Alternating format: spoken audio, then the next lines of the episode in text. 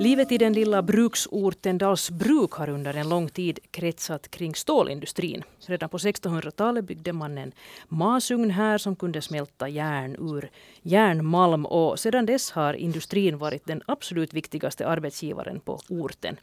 Ända tills för tio år sedan då det stora stålbolaget FN Steel gick i konkurs. Det här var en traumatisk tid för Dalsbruksborna som i 400 år hade levt av och kring stålindustrin. Och det som idag finns kvar av den här långa tiden som industriort är ett värdefullt byggnadsarv. Bland annat flera skyddade trähus från 1800-talet som byggdes för att inkvartera industriarbetare. Men eh, beslutet att skydda de här unika husen har hittills varit ganska betydelselöst eftersom ägaren, som är en privatperson, trots allt har låtit husen förfalla. Det största och ståtligaste skyddade huset är idag ett fallfärdigt ödehus och ortsborna menar att man borde riva rucklet så fort som möjligt. Varför går det ibland så här och hur ska man göra för att garantera att vårt byggnadsarv bevaras och hur kompromisslös ska man vara i sin skyddsiver och få skyddandet och bevarandet kosta hur mycket som helst. Bland annat det här ska vi prata om i dagens Slaget efter tolv och jag heter Maria Nylund. Äh, med mig för att diskutera det här har jag John Björkman. Välkommen. Tack. Eh, du jobbar idag som museichef i Sagalunds museistiftelse i Chimito. Eh, du är här då för att representera museibranschens syn på, på de här sakerna. Men att du har tidigare arbetat som förman också för kultur, kulturarvsteamet på Åbo museicentral som just jobbar uttryckligen med såna byggnadsskyddsfrågor. Ja, det, det, var egentligen främst mina kollegor som jobbar med byggnadsskyddet, men, men eh, eftersom jag har varit i det teamet en längre tid så har jag ganska bra, ganska bra insyn ändå i de här frågorna. Just det. Och så har vi Tommy Vass, välkommen. Tack. Du är lokalpolitiker för Vänsterförbundet i Dalsbruk och känner minsann till de här skyddade byggnaderna. Och så har vi Sara Ilvessala också, välkommen. Tack, tack. Du är också lokalpolitiker men i Åbo för de gröna. Mm. Välkommen du också. Det där, eh, vi får börja med att beskriva de här husen i Dalsbruk som får vara vårt första exempel här nu då vi ska tala om byggnadsarv. Och det handlar alltså om fyra byggnader som tillsammans bildar eh, det som heter Sabbels kasern i Dalsbruk. Mm, eh, det är framförallt ett av de här stora husen som är i ganska så dåligt skick. Tommy Vass, du bor i Dalsbruk. Hur skulle du beskriva de här husen? Ja, två av dem är ju, är ju upprenoverade så att de, de är väl i det här laget helt okej. Okay. Det ena har varit ganska många år och det andra är relativt nytt där, där man har satsat, iståndsatt huset eh, lite i gången.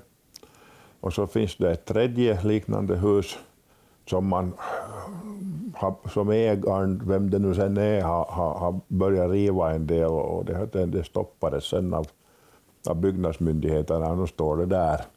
Och det tredje är det här sorgliga kapitlet och den här Sabbeskasernen vi pratar om som, som har stått och förfallit många, många år nu vid det här laget.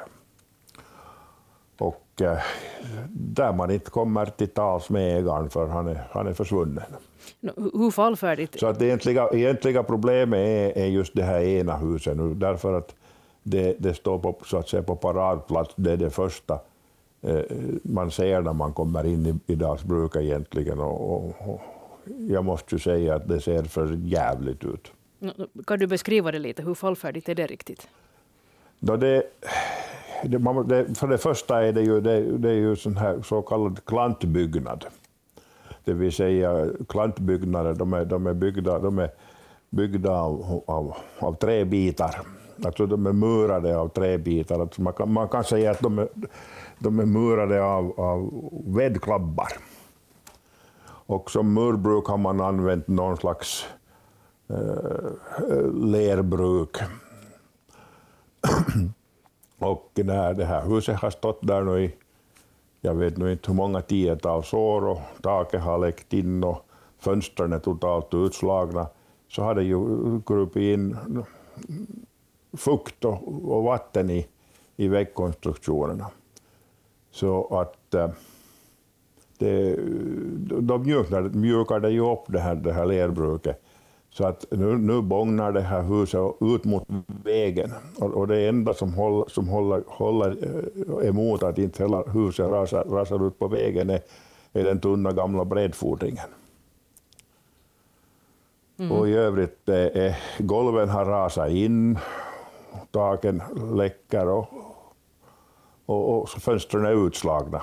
Mm. Och dessutom är det liksom helt fritt att ta sig in i det där huset. Det är ett av problemen. Alltså att, att speciellt barn liksom...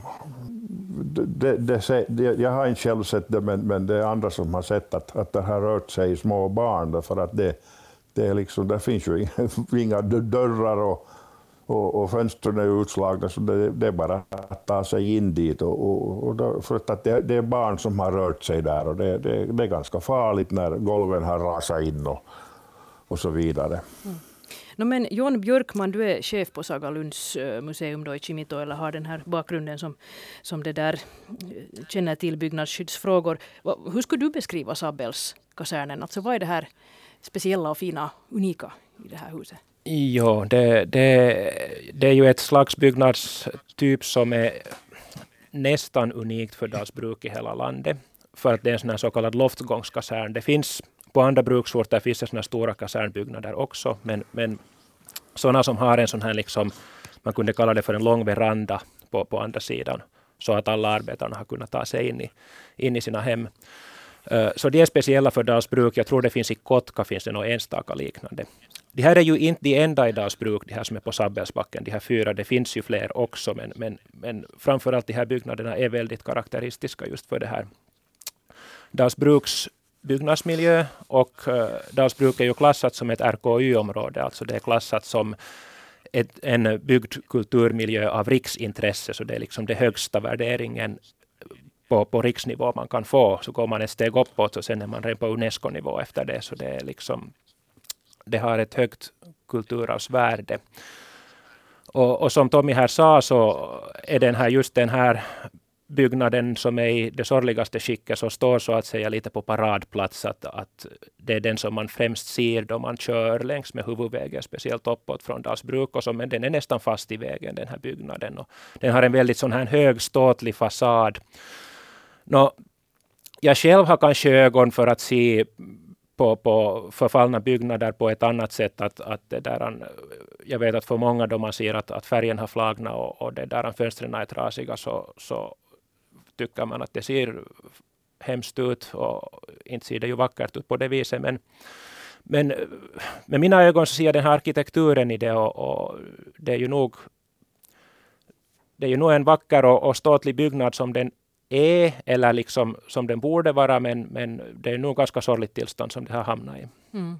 Ja, det här de mest förfallna huset har stått tomt sedan 92 har jag förstått. Alltså jättelänge och armbrytningen om, om det här husets öde har pågått i åtminstone 20 år. Eh, för sen då ett år sedan så lämnade Kimitoöns kommun in en ansökan till Näringstrafik och miljöcentralen om att, att det här eh, skyddsbeslutet, alltså det här huset är skyddat och att det här skyddande av huset då skulle upphävas.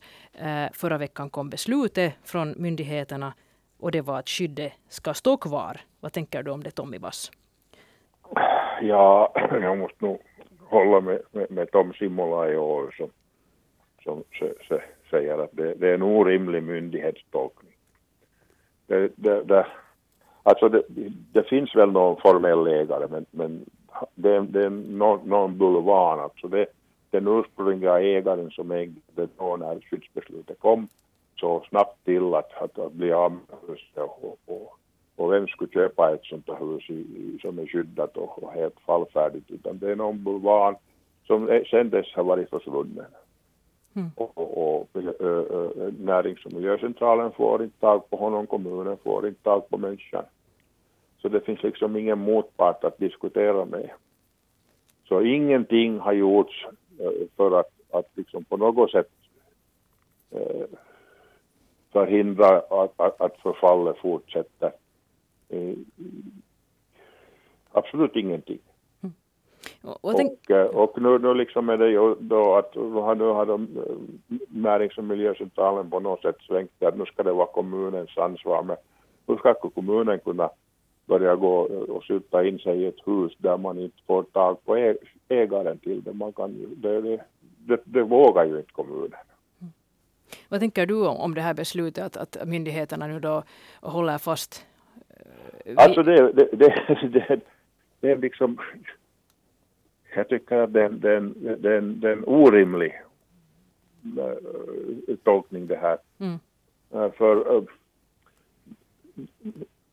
Närings och miljöcentralen har utfärdat viten, de har utfärdat uppmaningar, de har utfärdat order att, att det åtminstone skulle måste liksom fixas till så att man inte kan ta sig in i det där huset. Men ingenting har gjorts, absolut ingenting. Det enda som jag har konstaterat när jag själv var inne i det då, när man ännu vågar gå in dit, var att, att i ett skede hade Närings och miljöcentralen fordrat att, att det ska måste sättas fönster dit. Och då hade den där ägaren i något skede hämtat hämta, hämta en, en, en hög med fönster in i, in i huset som är någon slags från någon 60-tals rivningshus, alltså som de stora, ganska stora panoramafönster som ju ingenting har med den där byggnaden att göra. No, och det, det, det, är liksom, det, det är en absurd situation. Absurt. Vad säger du John Björkman, är det absurt att hålla fast vid ett sådant skyddsbeslut när huset är så här, så här dåligt skick? No, det där, alltså den här situationen är ju extremt knepig, men den är också knepig på det viset att, att om myndigheterna nu skulle backa och, och, och dra tillbaka det här skyddet, så då skapar de ett prejudikat som tillåter en ägare att, att låta sitt skyddade hus förfalla och sen säga att nu, nu går det inte att sköta om mer så nu måste vi riva det ändå. Och det betyder ju i praktiken att byggnadsskydd inte liksom har någon effekt. Mm. Men eh, det att det har blivit liksom så här så, så det är sen det är sen jättemånga olyckliga sammanträffanden som har, som har råkat sammanfalla och det är förstås att ägaren, ägaren är osynlig och icke-existerande. Så det, det är det där alltså säkert roten till problemet varför det är som det är nu.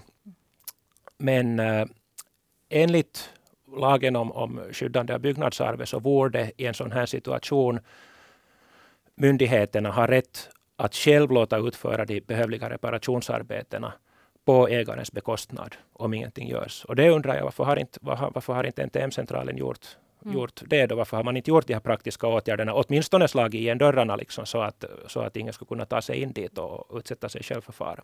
Jag har förstått att det, den processen kanske är igång. Men vad tänker du Sara Ilvesalo om det här? Du har lång erfarenhet av att vara medlem i Åbos byggnämnd och stadsmiljönämnden. Och också, du ledde eh, de här nämnderna, eller en av nämnderna. Men vad tänker du när du hör om en sån här armbrytning, att ingenting händer och det här bara pågår i, i 20 år och det bara förfaller. Alltså, det verkar väldigt låst det här läget. Känner du igen det här? No, tyvärr, det är ju inte helt någonting sånt som inte skulle ha hänt i till exempel Åbo och andra kommuner säkert heller.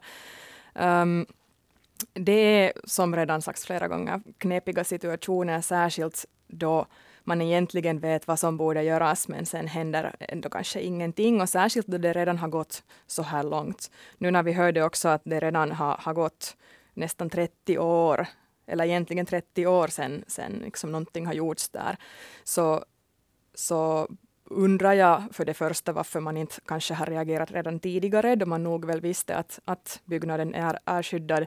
Men nu hjälper det ju inte att börja fundera på att varför har ingenting gjorts tidigare. Vi har flera sådana fall också i Åbo. Vi har haft sådana fall tidigare och, och de finns ju fortfarande. Det finns många gamla, särskilt just trähus och vissa stenhus också, också i Åbo centrum och inte, inte heller kanske i centrum utan annanstans också i staden. Och, och vi har ganska mycket erfarenhet av, av just det här att man försöker få ägaren att, att eh, hålla huset i skick och eller försöka hitta den rätta ägaren, vilket också är lite, lite knepigt ibland. Men jag tycker att vi har lyckats ganska ofta också. I historien så har ju Åbo inte lyckats med att skydda gamla hus och det vet väl alla, men, men under de senaste åren så, så har vi kanske nu lyckats mera med det att även sådana hus som kanske inte har varit skyddade och ägaren har, har velat riva ner så, så staden har då genom planläggning då tagit initiativ till att huset skulle bli skyddat och då också gett uh, uppmaningar och, och också då sen viten i vissa fall så att ägaren skulle då sen uh, renovera och reparera huset. Mm. Och samtidigt så tycker jag nog också att det är liksom en fördel för kommunen att man själv uh, tar hand om byggnaderna. Alltså som, att kommunen tar tag i det? Att, att kommunen på ett eller annat sätt tar tag i det, att, att byggnaderna A skyddas och B hålls i skick och ser bra ut. Det här var också på en sån plats, uh, så vitt jag vet, att, att det liksom ger en bild av hela området och också hela kommunen. Uh, och sådana här gamla hus har fått helt nytt liv Uh, åtminstone i flera fall i Åbo så har man efter renoveringen hittat ett nytt liv för hela huset och kanske också hela området genom att då sen använda, jo, ibland mera, ibland lite mindre pengar, men ändå uh, och då får man ju både intäkter men också liksom kan förbättra kommunens egna rykte och liksom hur det ser ut. Så själv så tycker jag nog att det också är positivt för kommunen om man då sen antingen själv Eh, till exempel på ägarens bekostnad. Det är ju också möjligt att, att kommunen själv då eh, agerar och reparerar på, be, på ägarens bekostnad. Och givetvis bär den risken att man inte får pengarna tillbaka om det till exempel sker någon konkurs eller någonting sånt. Eh, eller sen annars liksom får ägaren att, att renovera de här husen. Mm. Och kommunen kan ju också sen använda sig och, och be hjälp av till exempel skatteförvaltningen, för att det är ju fastigheten egentligen uh, som är avgörande och den som äger eller använder fastigheten. Och, och skatteförvaltningen brukar ju ha information om, om liksom skatteintäkterna och vem som borde betala fastighetsskatten. Så, så därifrån kan man ju också då sen prova att om man skulle sen få tag i ägaren. Mm. Om vi går tillbaka till armbrytningen i Dalsbruk så konstaterar NTM-centralen då i sitt beslut från förra veckan att, att husen då fortsättningsvis ska skyddas. Och att det i slutändan är kommunen som ansvarar för att byggnaden sätts i skick, åtminstone så att det inte fortsätter förfalla och att det inte heller är farligt för omgivningen. Och där räknar man då upp att takstolar borde förstärkas och taket ska repareras och dörrar och fönster ska bommas igen och plastmattor på golven borde bort och så vidare. Vad säger du om det här nu Tommy Vass? Eh, Sara Ilvesalo här tyckte att det trots allt kan löna sig för kommunen att satsa på det här eller ta den här risken att, att renovera själv och kanske aldrig få de här pengarna tillbaka. Vad tänker du om det? No, för det första är, är att renovera det där huset, jag, jag är inte alls övertygad om att det längre är möjligt.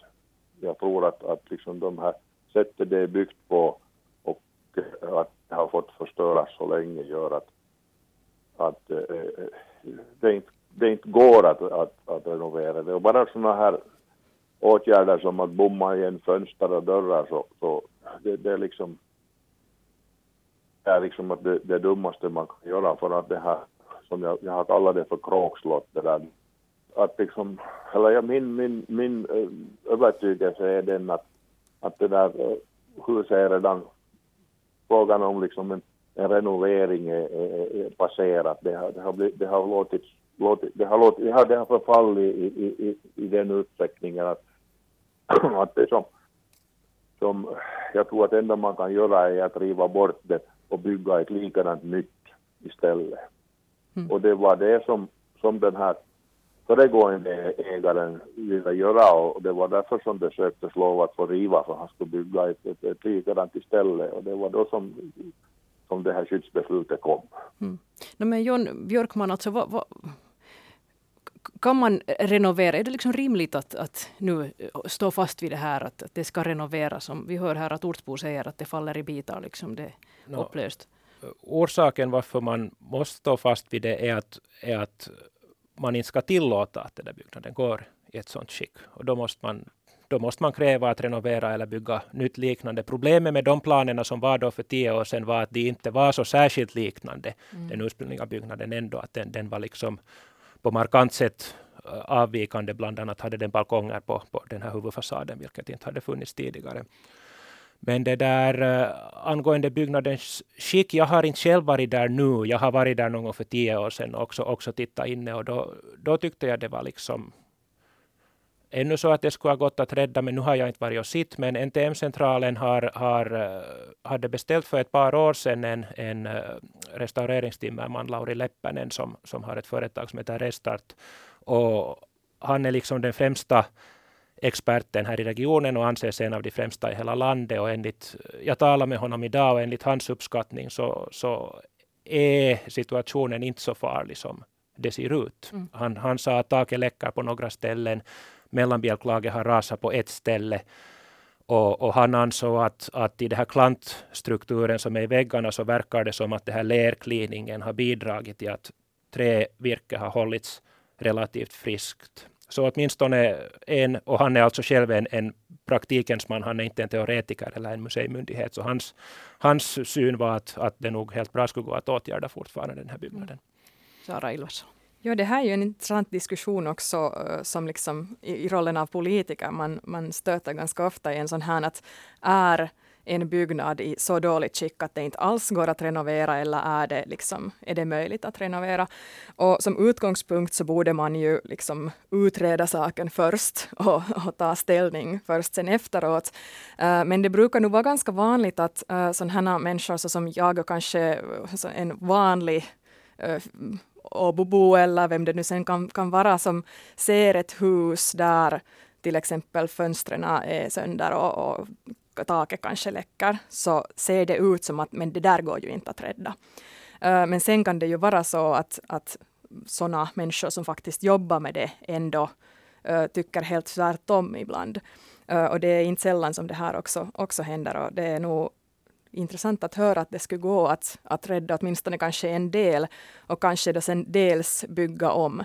Och det här eh, den här diskussionen om sånt här liksom replikabyggande, så som det kallas ibland, är ju också eh, en väldigt intressant diskussion. Jag, jag vet inte själv heller helt vad jag tycker om, om det. Eh, men om man till exempel skulle sen utreda någon viss byggnadstillstånd och, och komma fram till att, nej, att det går att bara till exempel rädda 5 procent av det, så, så då skulle man ju kunna då sen kanske primärt bygga om enligt gamla planer och alltså på nytt. Eh, och först sen liksom sekundärt kanske tänka på sådana lösningar där man bygger liksom någonting lite ditåt eller inte alls, alls ditåt. Men vanligtvis så, så är det nog överraskande hur mycket det går ändå att, att rädda och liksom reparera. Det, det är så, jag har själv varit med om att, om att rädda två sådana byggnader som har ansetts vara liksom fall och rivningsfärdiga. Och de båda mår bra idag och kommer förhoppningsvis att leva mycket längre än jag. Men om jag förstår dig rätt nu, Jan Björkman, så du tycker att den här springande punkten här handlar om den här principen att man inte kan ge efter nu för att då, då skulle liksom alla börja strunta i sina gamla hus och de får förfalla och sen river man dem bara. Att, hur, hur, risk, hur stor risk är det liksom att, eller hur farligt skulle det vara nu att ge efter? det skulle vara farligt, för överallt finns det fastighetsägare som, som eh, skulle önska att bli av med med skyddade byggnader och bygga någonting större och mera, mera det där, alltså vinstbringande istället.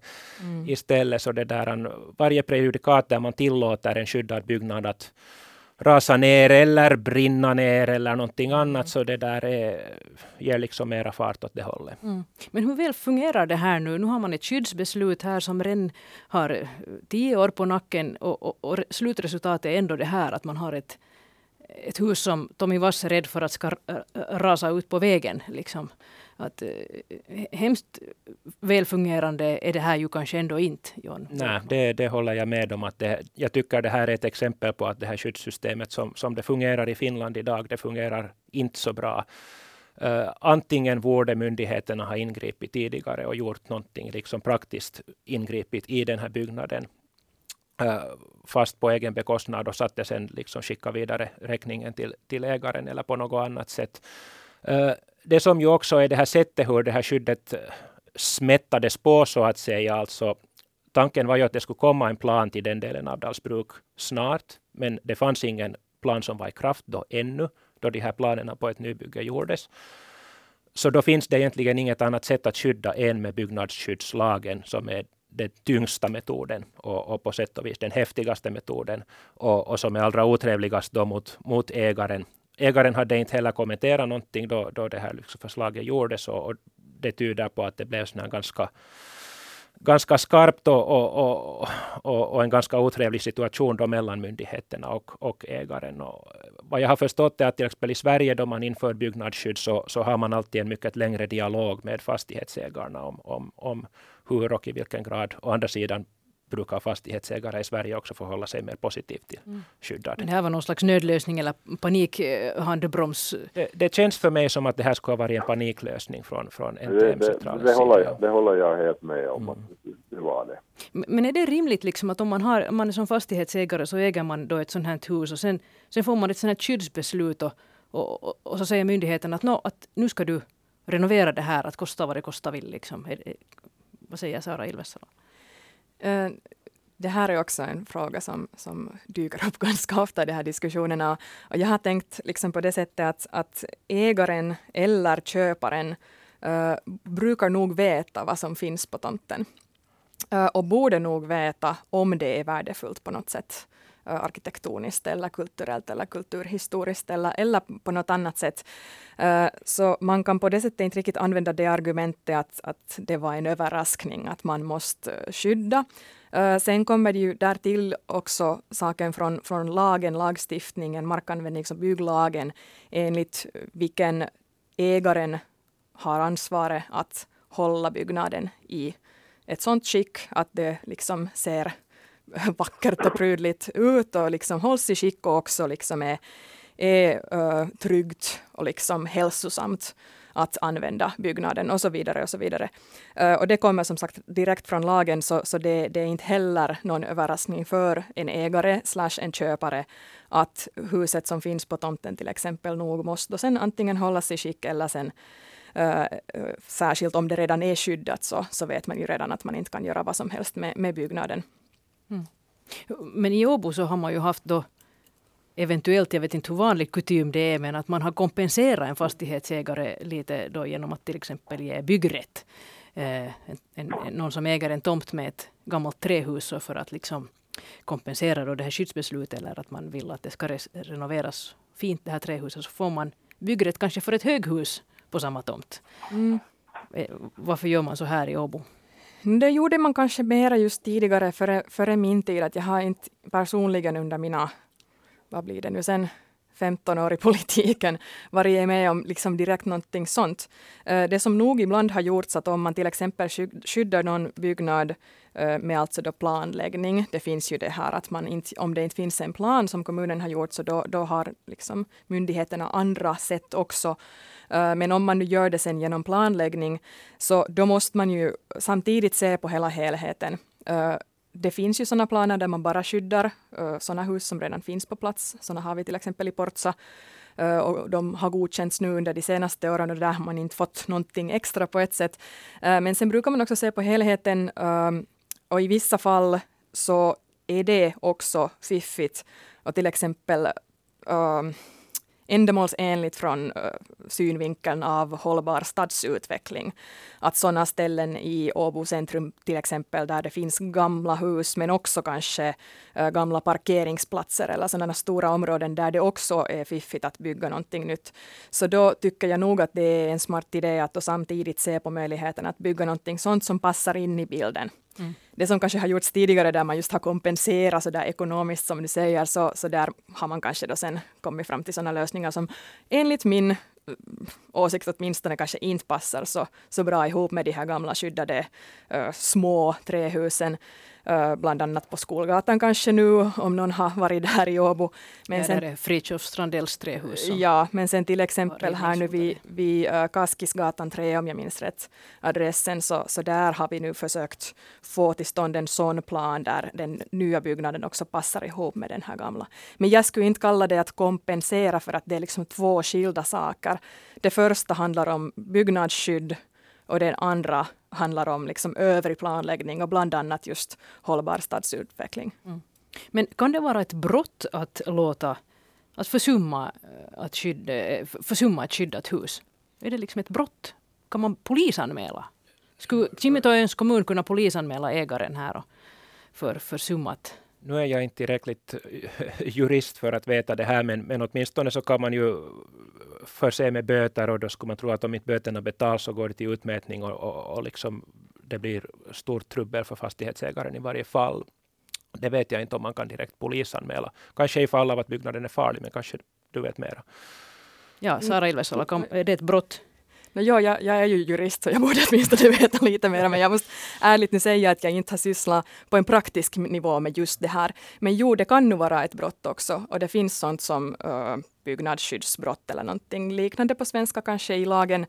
Uh, då jag var ordförande för Åbo byggnadsnämnd så då polisanmälde vi nog lite då och då också sådana fall där ägaren då sen hade gjort någonting sånt som inte var i enlighet med, med uh, antingen uh, Eh, planen eller instruktionerna från byggnadsinspektionen eller sen, eller sen eh, lagen. Eh, problemet med det här är kanske också det att vi inte riktigt vet och det är ett så pass nytt brott också att, att folk inte riktigt kanske känner till att om jag slår någon i ansikten så är det ganska klart för alla att okej, okay, det där var fel och det var mot, i strid med lagen. Men det här är en, en lite annorlunda fråga och det är också sällan som sådana här vissa miljöbrott och också sådana liksom brott som har med byggnadsskydd att göra. Uh, anmäls till polisen och man får därför inte heller erfarenhet av det inom polisen och till exempel åklagarämbetet.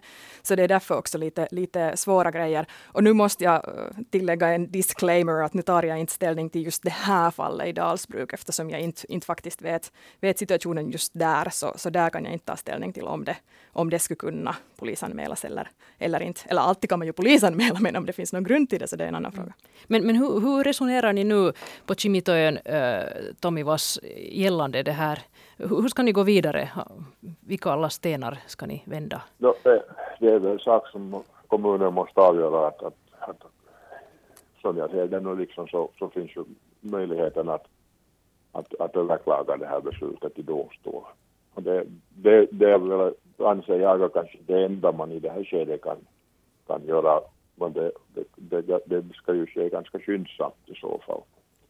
Men den här diskussionen om, om liksom ägaren och att man kan polisanmäla ägaren och ålägga ägaren och så vidare, så den, det på något sätt saknar relevans i det här, i det här eh, äh, Dalsbruksfallet eftersom det, man, det har satt sig i system att det ska finnas en ägare som inte går att få tag på. Så hur kommer man åt den människan? När inte, jag menar, sätter man, ans, nu sätter man ansvaret på kommunen och om nu inte liksom eh, närings och miljöcentralen får lyckas få kontakt med den här personen, så hur ska kommunen göra det? För, Men vad, man, är inte riktigt säker, man är inte riktigt säker på att finns det någon sån person ens. Men vad borde man göra nu då? John Björkman, vad tycker du att man borde göra? No, Renovera på egen bekostnad? Helt enkelt. Ja, no, det är det som lagen säger att man kan göra. Eh, på sätt och vis tycker jag det skulle vara rimligt att då, då, då liksom trycket på skydd kommer från en högre nivå än kommunen så tycker jag att det skulle vara rimligt att det är också de myndigheterna som sköter om det som ska göras med den här byggnaden. Att det, det förstår jag kanske inte riktigt det här resonemanget att, att kravet på skydd kommer högre ifrån och så slänger man ändå ansvaret på kommunen. Så det känns på något vis lite orättvist. Men det där, ja, sen skulle man ju tänka att det skulle borde finnas ett system för sådana här fall, att, att man på något vis kan liksom ta ta över den här byggnaden i någon offentlig myndighets uh, skötsel i så fall om, om, om det liksom inte verkar finnas en ägare, ägaren är, är osynlig eller under en sten eller någonting liknande som det här är. Man, och, och, det borde man ju ha kunnat gjort mycket, mycket tidigare. Mm. Än, än. Men oberoende då om det skulle vara de regionala myndigheterna eller kommunen som skulle uh, renovera det här nu och ta, ta risken att man aldrig får pengarna tillbaka, så, så vad får liksom byggnadsskydd kosta? Man, man kan ju försöka sälja det också. Nu finns det alltid en möjlighet att någon är intresserad att köpa det, köpa det för ingenting och liksom ta an det här problemet, en, en privat aktör på sina axlar och försöka ta risken. Mm. Men, va, va, va, alltså det, ja. det, är ju så att om, om, om, om till exempel nu kommunen skulle renovera det, det här huset, det är inte något småpotatis, alltså det är ju ett väldigt stort hus. Mm. Ja, vad, skulle, så, vad, vad, tror du att kommunen det, skulle vara beredd att satsa? Eller? Ja, det kostar mycket. Och, och, och det är helt omöjligt att tänka sig att kommunen sätter kanske en, en, en miljon euro på det här. Eh, för att man äger ju inte huset ändå. Det finns ju någon ägare, fast den är försvunnen i alla fall, som kanske kommer att säga när huset är färdigrenoverat, tack så mycket, det är bra att ni har gjort det, nu tar jag över resten. Mm. Och, och, och, och, det där, jag, jag tror inte på det där, alltså, nej kommunen tar nog aldrig den risken. Vad tänker du Sara Ilvesalo, finns det någon prislapp, en rimlig prislapp på, på att skydda byggnadsarv? No, jag tror att det, det är en lite sådär inkasu, fall, fall till fall bedömning som man alltid måste göra. Men, men det som man måste börja med är ju det att man utreder uh, vad som borde renoveras, om det går att renovera, vad som kan renoveras, vad som måste byggas på nytt och hur mycket det då sen ungefär skulle kosta. Uh, sen kan man ju fundera på möjligheten att som sagt uh, kommunen eller då sen någon annan myndighet gör det på ägarens bekostnad. Sen finns det ju alla möjliga stiftelser såna också som stöder sånt här arbete med kultur, att, att liksom spara kulturhistoriskt arv och så vidare. Så, så man kan ju, det finns ju finansiering också för allt möjligt sånt här arbete. Som jag skulle kanske också utreda sådana möjligheter, att om det finns någonting, kanske inte någonting liksom sådär direkt pengar, men, men några möjligheter kan det ju finnas. Eh, sen har ju också kommunen möjlighet att liksom eh, tvångsköpa, alltså packa och lunasta Eh, ett sånt här, eh, eller tomter överhuvudtaget, fastigheter på, på dess område, så det, det är ju också en möjlighet. Och, och jag skulle nog kanske, om jag skulle vara en lokalpolitiker där, så försöka fundera just på de här möjligheterna, att vad det skulle kunna ge som mervärde för just det här området och hela kommunen om det skulle renoveras och om man skulle hitta nytt liv för den här byggnaden och för hela området. Eh, hurdant verksamhet skulle man kunna ha? Är det något turism, restaurang? Eh, Kontors och arbetsplatser, vad, vad allt som skulle kunna finnas där, lägenheter och någonting, någonting helt annat. Eh, och då sen liksom utgå därifrån att finns det någon, några möjligheter. Eller som sagt försöka kolla om det skulle finnas någon annan privat person eller, eller något företag som skulle ha ha intresse av att liksom ta hand om byggnaden i fråga. Hur ser det ut i din värld, John Björkman? Kan, kan prislappen vara hur stor som helst? Liksom, det är alltid värt ett självändamål att, att no, bevara?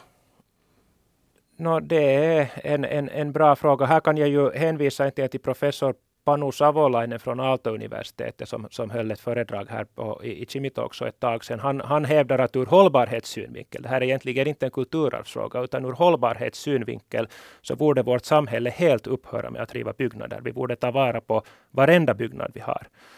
Men det där Äh, annars det var ett bra svar av Sara det här äh, med, med, större kunskap att, att någon slags tvångsinlösning skulle kanske då vara den där frågan att, att, att få ägandeskapen över den här byggnaden helt överförd till en offentlig instans och förd vidare eventuellt då till någon annan som kan, som kan sköta om det. Man skulle tro att det skulle finnas intresse äh, liksom bland fastighetsplacerare för Dalsbruk, för Dalsbruk äh, verkar väcka ganska mycket mer intresse. Jag tror att det är liksom sån stigande stigande plats just på grund av den här vackra miljön.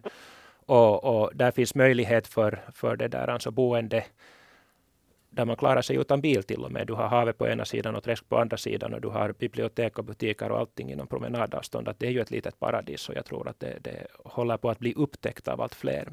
Mm. Med de här hoppfulla, hoppfullt konstaterande så avslutar vi dagens Slaget efter tolv som idag har handlat om hur vi ska bevara vårt byggnadsarv. Tusen tack till dig Sara Ilvesalo från De gröna i Åbo. Tack till Tommy Vass från Vänsterförbundet i Dalsbruk. Och tack till John Björkman som är museichef i Sagalunds museum i Kimito. Och jag heter Maria Nylund.